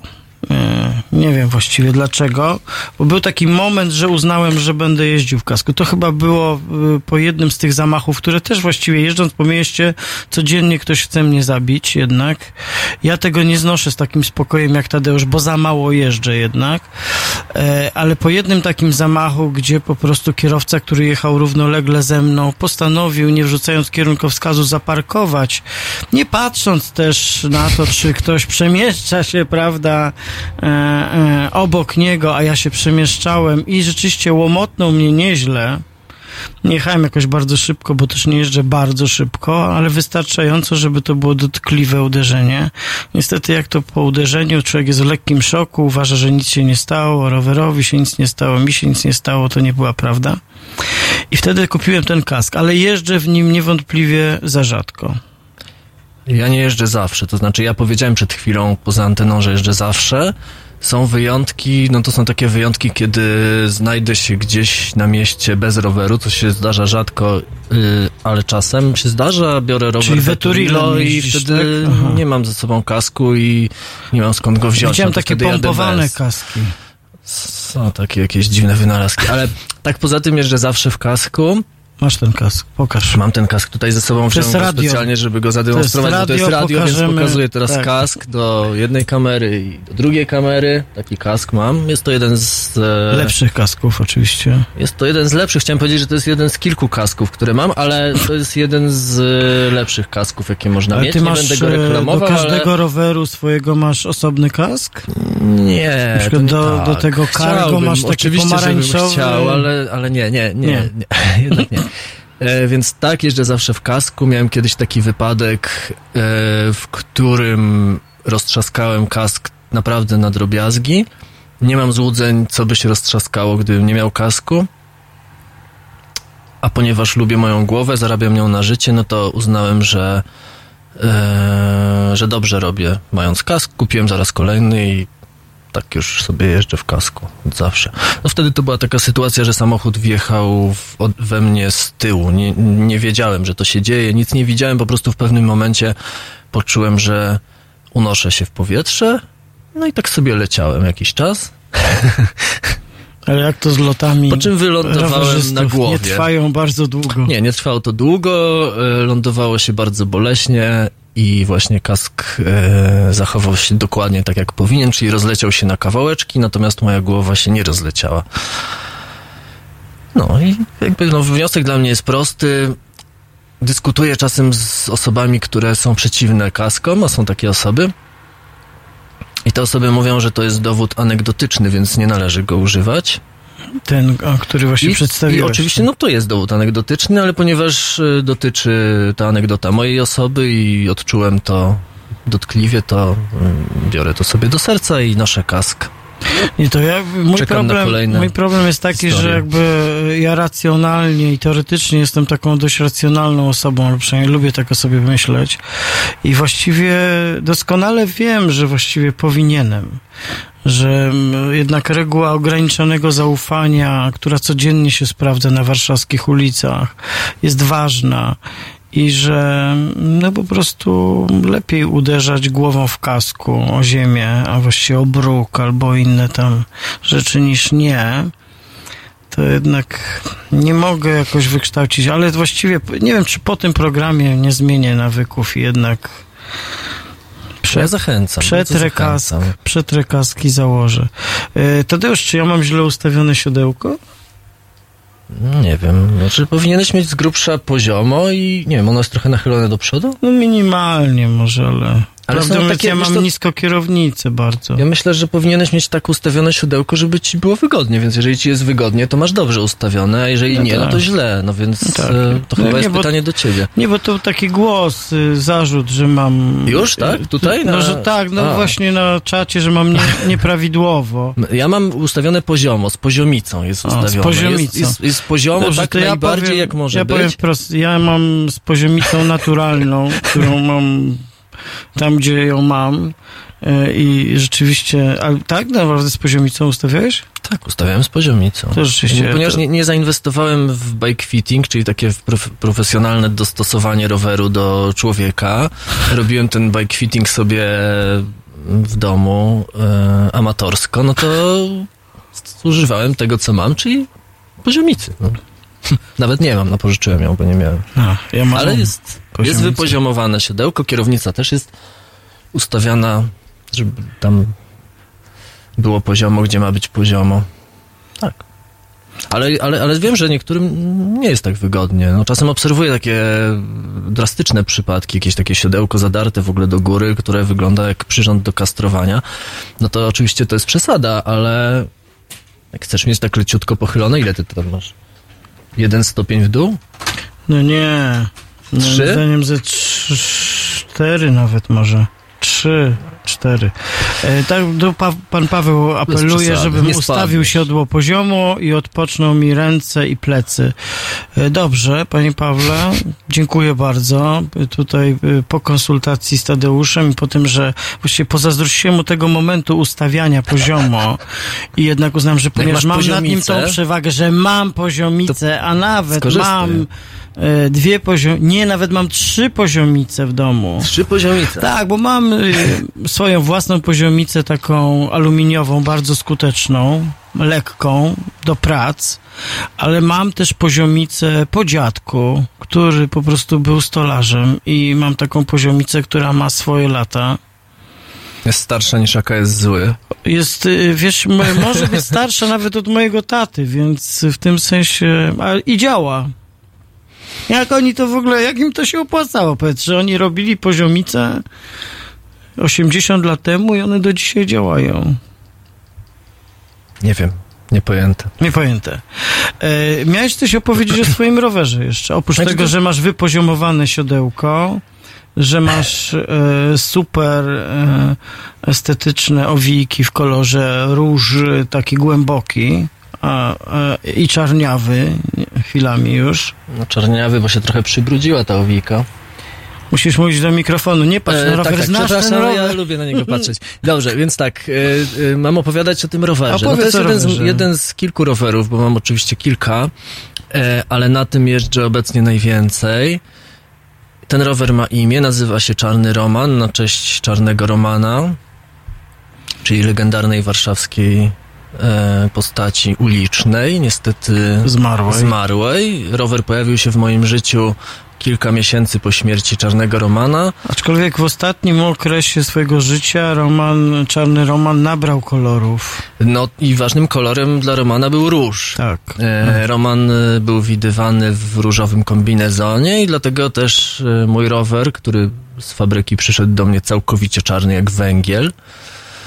Dostał... z węgla? No jest z węgla. A. Dostał różową owijkę, dostał różowe bidony, no i w moim stroju pojawiły się różne różowe akcenty. Dzisiaj to Ale chyba tam nie jest- ma ich wiele, ale na koszulce gdzieś, są. gdzieś są, Są. kropki Ale różowe. drugi bidon jest czarny. E, mam drugi różowy, ale to akurat nie jest bidon, to jest... E, Granat. Nie. Gaz. Nie. To jest taki kontenerek do przewożenia rzeczy. Naprawdę? E, tak, tam są narzędzia, dętka, mam też czapkę, bo myślę, że może się ochłodzić. Mam klucze do mieszkania. No tak mi jest wygodnie, no bo nie wożę Nie, na sobie jakichś rzeczy. Mi Akurat o tej porze roku nie potrzebuję mieć dwóch bidonów, bo raczej nie będę bardzo spragniony, zwłaszcza na trasie Bielany, Śródmieście Bielany. E, no więc tak, to, to drugie to nie jest bidon. Jest czarny, no chyba też pasuje do czarnego Romana jakoś tam. No bo wszystko tu pasuje. Byliśmy z Czarnym Romanem, tym obecnym tutaj na grobie Czarnego Romana na cmentarzu w Wilanowie. Jakoś króciutko po tym, jak y, tenże Czarny Roman y, pojawił się w moim życiu, oddaliśmy hołd prawdziwemu Czarnemu Romanowi. No i w sumie nie wiem, co tam jeszcze mam opowiadać. No taka jest historia tego roweru. No to moim zdaniem to jest doskonały chyba, nie? moment. Y, Tak. Ty o zimie chciałeś rozmawiać Nie, tak, i do zimy zaraz dojdziemy, ale teraz to jest doskonały moment, żeby przeczytać tytuł utworu, którego wysłuchamy. You are the people i Empire of the Sun będzie nam śpiewał i wrócimy i w kolejnej e, części rozmowy z Tadeuszem Baranowskim będzie o jeżdżeniu rowerem zimą, o uroku, potędze i ekscytacji, która, którą to jeżdżenie wywołuje.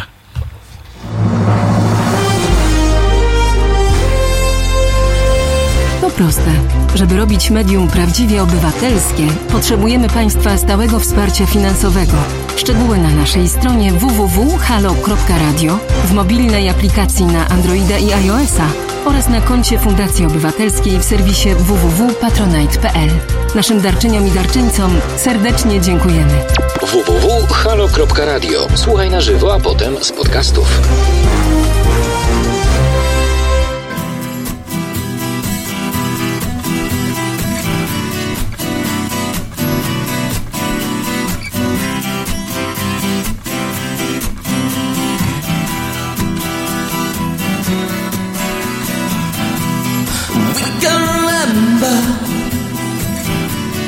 Swimming in December, heading for the city lights. 975, we sharing each other nearer than farther. Scent of the lemon drips from your eyes.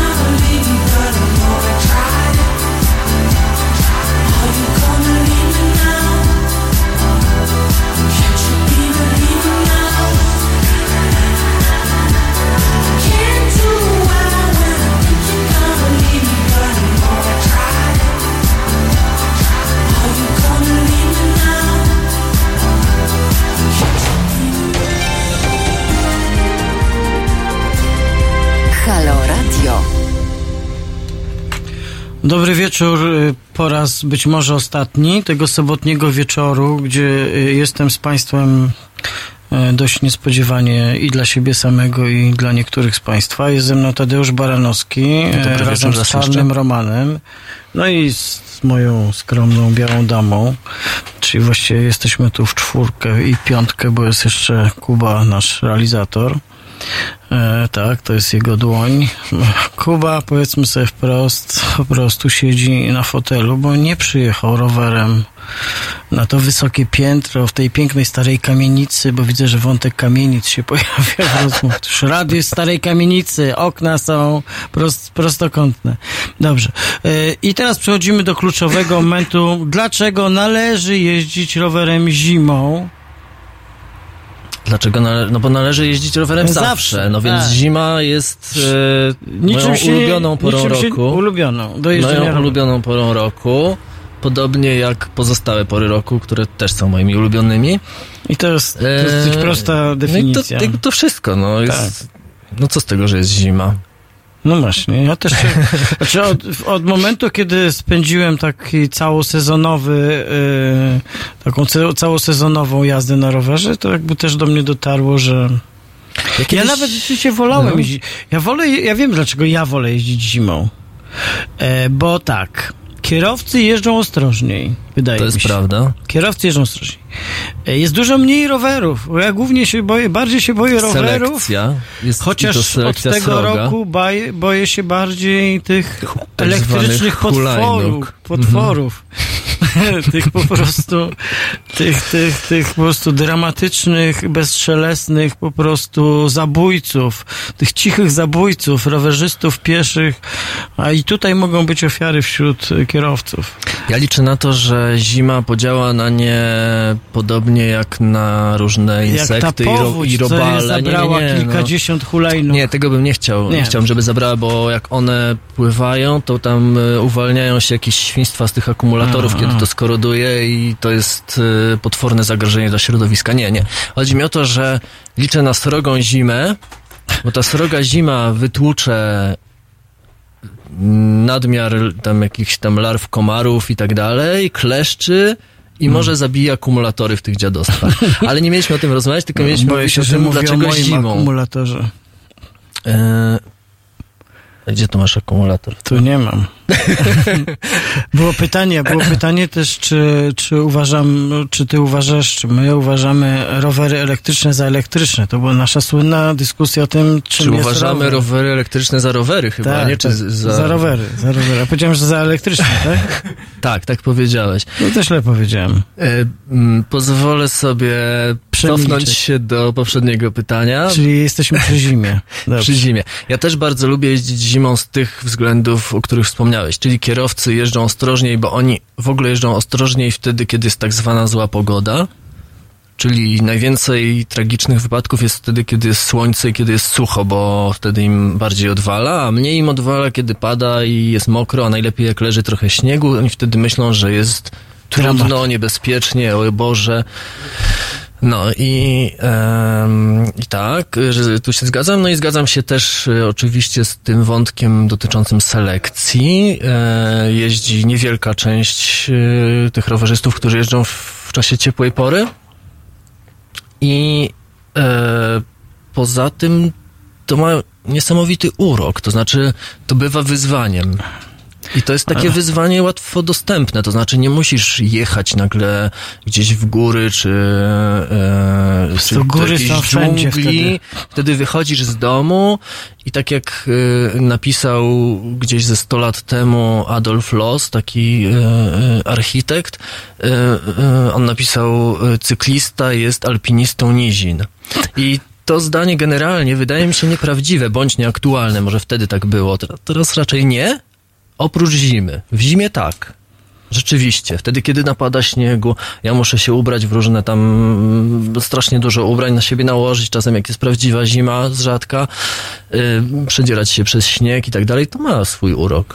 Załóż może słuchawki, bo mamy telefon. E, już zakładam, Z- które słuchawki? No te mówisz? na przykład, tak. Dzwoni do nas pan Sebastian. Dobry wieczór. Dobry wieczór, Romku. Dobry wieczór, witam e, Ciebie, Tadeusz. Sebastian, Polska Centralna Łódź. Y, Pozwoliłem sobie Dla Tadeusza to zadzwonić trzy godziny. do Halo Radio, y, ponieważ w programie Estery y, odnośnie muzyki bardzo, bardzo mnie dotyczył, a odnośnie roweru, no to też nie jeżdżę co prawda od 10 lat, ale za młodego chłopaka przejechałem bardzo dużo.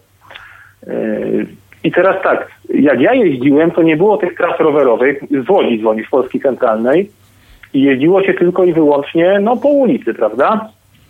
I kiedy wprowadzono nam te trasy rowerowe, to one na pewno są o wiele bardziej bezpieczne, natomiast wydłuża nam to przejazd.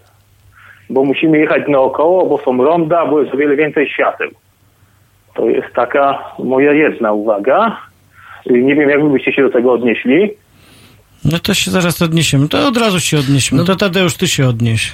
Mm, No ja potwierdzam te obserwacje, to znaczy widzisz jaki rower stoi za mną, ja najbardziej obecnie lubię jazdę na rowerze szosowym i jazda na rowerze szosowym po drodze dla rowerów jest mniej fajna niż po jezdni, więc e, e, jak mogę to wybieram jezdnię, oczywiście wtedy kiedy jest to legalne, czyli wtedy kiedy w okolicy nie ma drogi dla rowerów.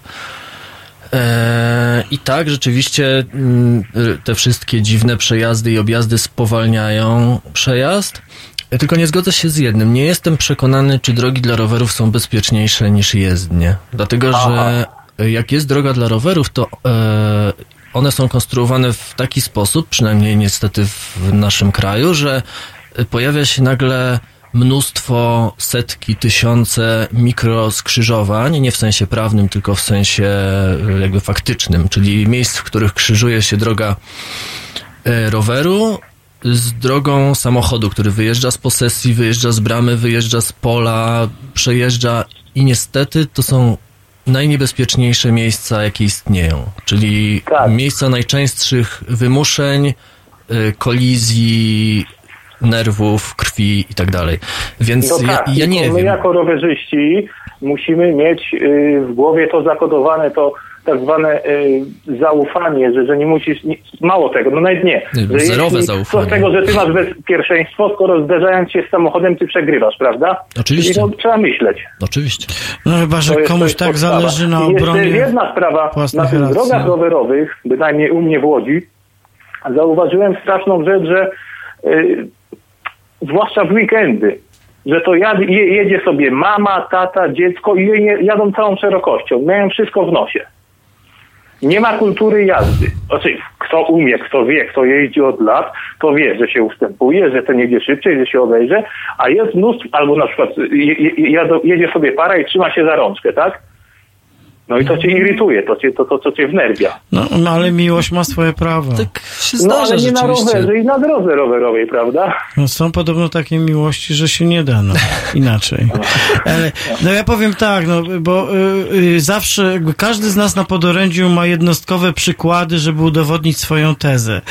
Można powiedzieć, że są, oczywiście obserwujemy to, że są kraje, w których kultura jeżdżenia na rowerze po pierwsze jest dużo bardziej masowa, po drugie jest wyższa, tak? Ale to jest kwestia tego, że przykłada się do tego spory wysiłek. On się nie bierze z niczego przecież, tak? E, W Polsce dzisiaj właściwie kultury jazdy w ogóle się nie uczymy. Kierowcy się nie uczą w żaden sposób.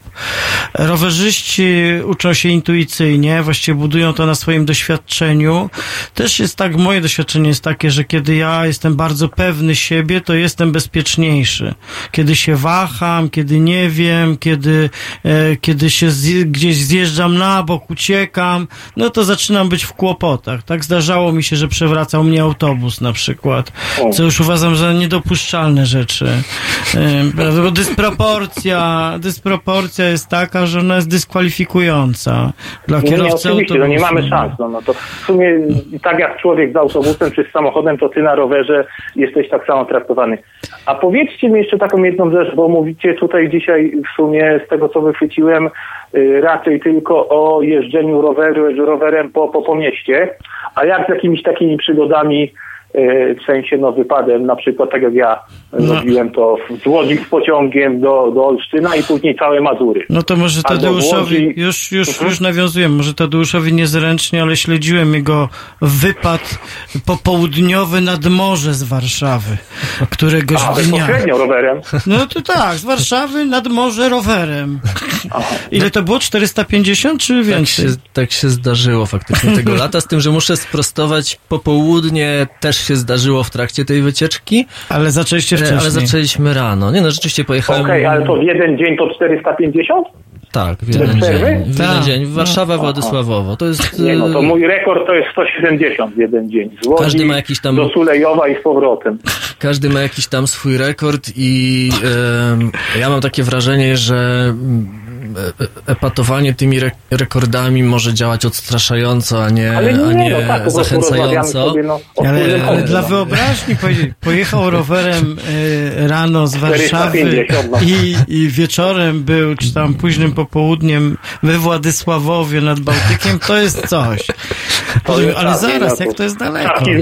To jest, to jest na pewno rzecz, z której jestem dumny, tak? Potwierdzam, jestem dumny z tego, że to zrobiłem. To było najwięcej, bo wcześniej jeździłem tam jakieś powiedzmy 300, kilkadziesiąt, tak parę razy i to był taki duży przeskok. Eee, więc no, Przecież to podczas odpowiadając... wyścigu jest jakaś trasa chyba 170 km nie więcej pokoju czy coś innych. No, w czasie, różnie. no etapy, znaczy jak mówisz o tych wyścigach kilkuetapowych, no to tak, oni jeżdżą po Zawodowcy sto, to sto robią, kilkadziesiąt kilometrów rzeczywiście, No. tylko że wiesz, no oni jedą trochę inaczej. Nie, no pewnie, no. tam jednak jest straszny ogień. E, ja może jechałem szybko, ale, ale to jakby zupełnie nie ma żadnego porównania z tym, jak szybko oni jeżdżą. E, I, Nie, no i też tyle, no. warto pamiętać o tym, że oni następnego dnia znowu muszą to zrobić, a ja następnego dnia spałem. Spałem. W tym Władysławowie? Nie, nie, nie. Fajnie, Wróciłem, wróciłem dziękuję, pociągiem, że- wsiadłem do pociągu we Władysławowie, wysiadłem z niego e, w Warszawie, dotarłem do domu, potem spałem 18 godzin non-stop. To też jest moim rekordem. Czyli to jednak ro- zrobiło nawet na to To zrobiło zrobiło wrażenie. swoje, Tak, no. oczywiście, no to, to było wyzwanie. Super, dziękuję, że, że, że mogłem z wami porozmawiać. Dzięki, Pozdrawiam dziękuję bardzo. serdecznie. Dziękuję. Jesteś tutaj w takiej mojej pierwszej piątce, bo nie wszystkich jeszcze wam znam Halo Radio, oprócz Estery, To zapraszam, oprócz oczywiście to Wojta dyrektora. Pamiętam Ciebie jeszcze z y, tej komercyjnej stacji TVN24, jak y, z Jankiem Wróblem bodajże y, siedzieliście i, A, i rozmawialiście tam panie. przez jakiś czas. Stamtąd od, od segmentu Cię poznałem i, i, i, i uwielbiam Dziękuję. Twój y, szyderczy uśmiech. y, A do mi się usłyszenia. wydawało, że jest życzliwy. Dziękuję bardzo. Ale dziękuję. nie, to, to nie, nie znaczy, że zły. Ja, ja uwielbiam Jasne. szyderstwo Dzięki. No to- dzięki. Dziękuję Bez również. szyderstwa bardzo miło było porozmawiać. Wracamy do jazdy rowerem zimą. Ten moment rzeczywiście jest, ja rzadko używam tego słowa, ale magiczny moment, kiedy się jedzie po tym pierwszym śniegu, takim świeżym, w tej ciszy. To jest cudowne. To jest po prostu coś, to jest coś, czego To jest cudowne. właściwie- Rozdziewiczanie śniegu oponą jest doznaniem mistycznym niemalże. No o zanieczyszczeniu, zanieczyszczeniu powietrza już było tam. No ja już wspomniałem, Tak. ale mogę to rozwinąć. Rozwijaj, no, Tadeusz. Mogę to rozwinąć. To jest smutny temat, to znaczy rzeczywiście mm, zima, mm, przynajmniej w bezwietrzne dni, no to jest ten czas, kiedy powietrze jest złe. I jako rowerzyści chłoniemy dość dużo tego paskustwa. No są takie jakieś badania, które wskazują, że kierowcy siedzący w samochodach chłoną tego więcej, e, ponieważ są znacznie bliżej rur wydechowych innych samochodów. Mm, ale i tak myślę, że robimy sobie krzywdę tym powietrzem. No i cóż, no jest mi bardzo przykro z tego powodu, bo nie zasłużyłem na to. No nie palę kaloszami w piecu, mm, nie, nie wyciąłem filtra cząstek stałych w moim samochodzie. Oponami mm, Który starymi? zresztą jest y, benzynowy, więc też nie ma takiego filtra do wycięcia, nawet jakbym chciał. E, więc nie zasłużyłem na to. Czasem jeżdżę w masce, takiej mm, a- antysmogowej, ale nienawidzę jeździć w masce, w ogóle nienawidzę mieć maski na twarzy i myślę, że e, znaczy no bardzo bym chciał, żeby to te osoby, które tak smrodzą musiały żyć w maskach, a nie ja. To, to, to jest nie fair po prostu. No, To jest nie w porządku. Ja, ja, jest, ja, ja przecież nie smrodzę i, i tak dalej i nie zasłużyłem nijak na tę krzywdę. Ja, y, ponieważ tu się pojawił ten wątek y, mojej pracy w y, pewnej telewizji komercyjnej, pewnym nauczycielem i publicystą, tak, to e, ja jeździłem tam do pracy rowerem bardzo często i przyznam się, że tam był taki niezwykły moment, który, który bardzo lubiłem, że jak jeździłem w takie upalne lato, to tam miałem prysznic. Prysznic tam na miejscu. Tak, dojeżdżałem, pędziłem sobie ile chciałem, męczyłem się, śpieszyłem się e, i, i po prostu tam miałem ten prysznic, wiesz, powiem ci, że to jest, bo to, co mnie męczy często, czy na przykład co mi przeszkadza czasami jeździć gdzieś do innej pracy, co zimą jest trochę łatwiejsze, bo się człowiek aż tak nie męczy, nie poci, ja się przynajmniej tak nie pocę zimą, e, to to, to że właśnie nie można dojść do siebie jakoś tak estetycznie i zapachowo. Nie, nie mam tego problemu. Nie ma tego. Znaczy, mam prysznic w pracy, moja praca jest bardzo miła pod tym względem.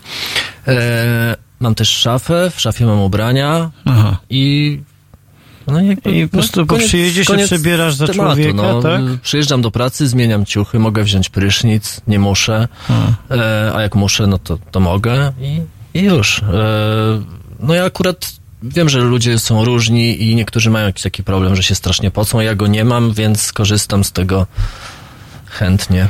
No i oczywiście jest y, tradycyjne pytanie, dlaczego nie jeździć zimą na rowerze? Bo jest zimno. I ten argument... Nie jest zimno. To znaczy jest zimno, oczywiście. E, jak jest zima, to ma być zimno. Widziałem jakąś koszulkę z takim napisem. E, niestety ostatnio zazwyczaj w zimie jest ciepło. E, ale ten argument jest zupełnie fałszywy. To znaczy nie ma żadnego Nie ma złej e, pogody, jest sposobu. tylko złe ubranie. Chcę, nie chcę cytować, to znaczy jest takie przysłowie tam skandynawskie, duńskie czy norweskie, już nie pamiętam, e, kt- które zacytowałeś, ale nie o to mi chodzi. Chodzi mi o to, że jedynym sposobem uniknięcia tego zimna, które jest na zewnątrz, jest chyba wzięcie taksówki albo któregoś tam z tych e, niby taksówkowych e, systemów.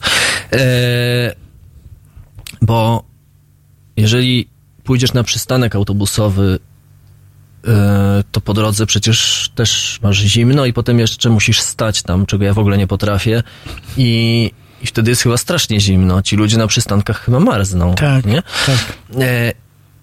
Jak e, patrzę, co ludzie robią, żeby e, jechać samochodem, no to oni wychodzą z domu, wyjmują z samochodu szczotkę, odgarniają z tego samochodu śnieg.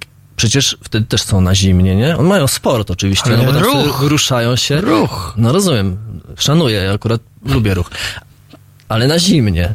Ja też mam ruch na zimnie. No, co na zimnie? No, zima, oni- Zimą ma być zimno. Potem biorą tę skrobaczkę, tam szur, szur tą skrobaczką na zimnie. No. No a jak nie mają, to wyjmują kartę płatniczą z portfela, łamie im się, nie mają potem pieniędzy. Nie, w ogóle to jest jakaś katastrofa, ale to wszystko na zimnie. Robią No na tak. zimnie. No tak. No więc, no ja też jadę na zimnie, tak samo jak oni stoją na zimnie. Nie, to w ogóle Nie ma nie ma, nie ma tematu. Są jeszcze takie jak y, wichura i deszcz, prawda? Takie zjawiska atmosferyczne. I tak w wichurę się lubię, jeździ nie niefajnie. lubię, nie lubię fajnie. nie lubię. Rzeczywiście wichura jest niefajna, Wichura jest deszcz jest też umiarkowanie fajny, wolę śnieg, e, ale mm, Czyli właściwie udało nam się udowodnić, że najlepszą Deszcz. pogodą do jeżdżenia jest po prostu śnieg. Śnieg jest cudowny, to prawda. Sól jest niedobra. Sól jakoś tak pojawia się razem ze śniegiem często jej nie lubię. Ona źle robi mi na rower. Szkodzi mi na rower. Rower mnie boli od soli, ale od śniegu nie. No, śnieg to jest tylko woda. Y, Bo y, jeszcze Tadeusz z tobą jest y, tak, że ty, twój poziom uzależnienia mało, że się e, rozciąga na wszystkie pory roku, to się rozciąga również na e, wszystkie pory dnia i nocy, bo jesteś e, aktywnym uczestnikiem jazd nocnych również przecież. Wiem, No, co mówię, bo teraz- nawet raz wziąłem udział w takiej jeździe. No, teraz jest noc, niby jest ciemno. Tak, ale to jest na przykład jazda, jechaliśmy po puszczy, z tego co No pamiętam. tak. Kiedyś jak jeździliśmy razem, to rzeczywiście zabrałem się na taką przejażdżkę po puszczy w nocy. Co jest nielegalne, jakby ktoś chciał spytać. Tak? No nielegalne. Byliśmy w Parku Narodowym w nocy. Wiesz, że to było nielegalne? Nie wiedziałem, że jesteśmy w parku, bo nic nie Zakłócaliśmy życie nocne zwierząt. Te dziki, te dziki po- które nas goniły, to, drogach, to no, my no, im... my im zakłócaliśmy tam, Okej, wiesz. okej. No, ale wyglądały na zadowolone. Przyznaliśmy się właśnie do zbrodni e, ekologicznej. Nie, we- wiesz, ja myślałem, że tylko w Tatrzańskim Parku No jest takie nie. dziwactwo, A że nie można. nie, to jest We ogólne- No co ty, ale tak nie We było. wszystkich parkach narodowych. W Nie możesz Tatrach- być po zmroku. W Tatrach to jest świeży zapis, że nie można po zmroku. Mogę się mylić oczywiście, ale No. wydaje mi się, że wydaje mi się, że nie można być po zmroku w Parku Narodowym. Żadnym.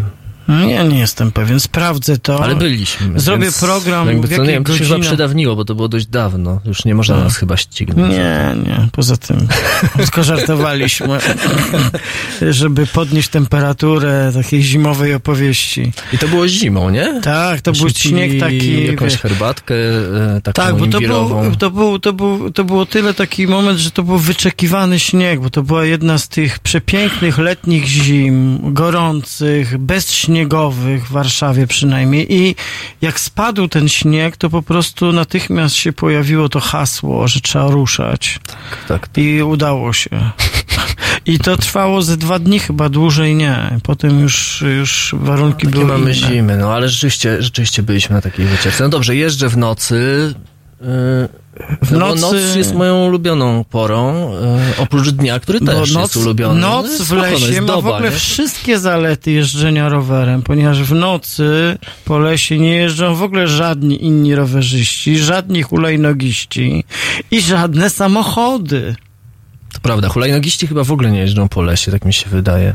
Przynajmniej Do czasu, do czasu, wiesz, nie będzie... Teraz będziemy mieli hulajnogi terenowe, hulajnogi terenowe, więc e, tak, nie jeździliśmy po ciemku, wbrew sugestiom tutaj złośliwie komentujących osób, bo oczywiście e, mieliśmy lampki tak zwane.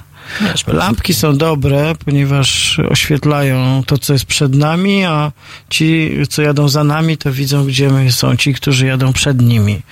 Więc w sprawie lampek mm, miałem taki, taki krótki okres bezlampkowy. No miałem, no co. No. Ale, To bardzo źle. ale porzuciłem, porzuciłem ten okres. Bardzo źle. Źle. Źle, no. Znaczy, byłeś Batmanem.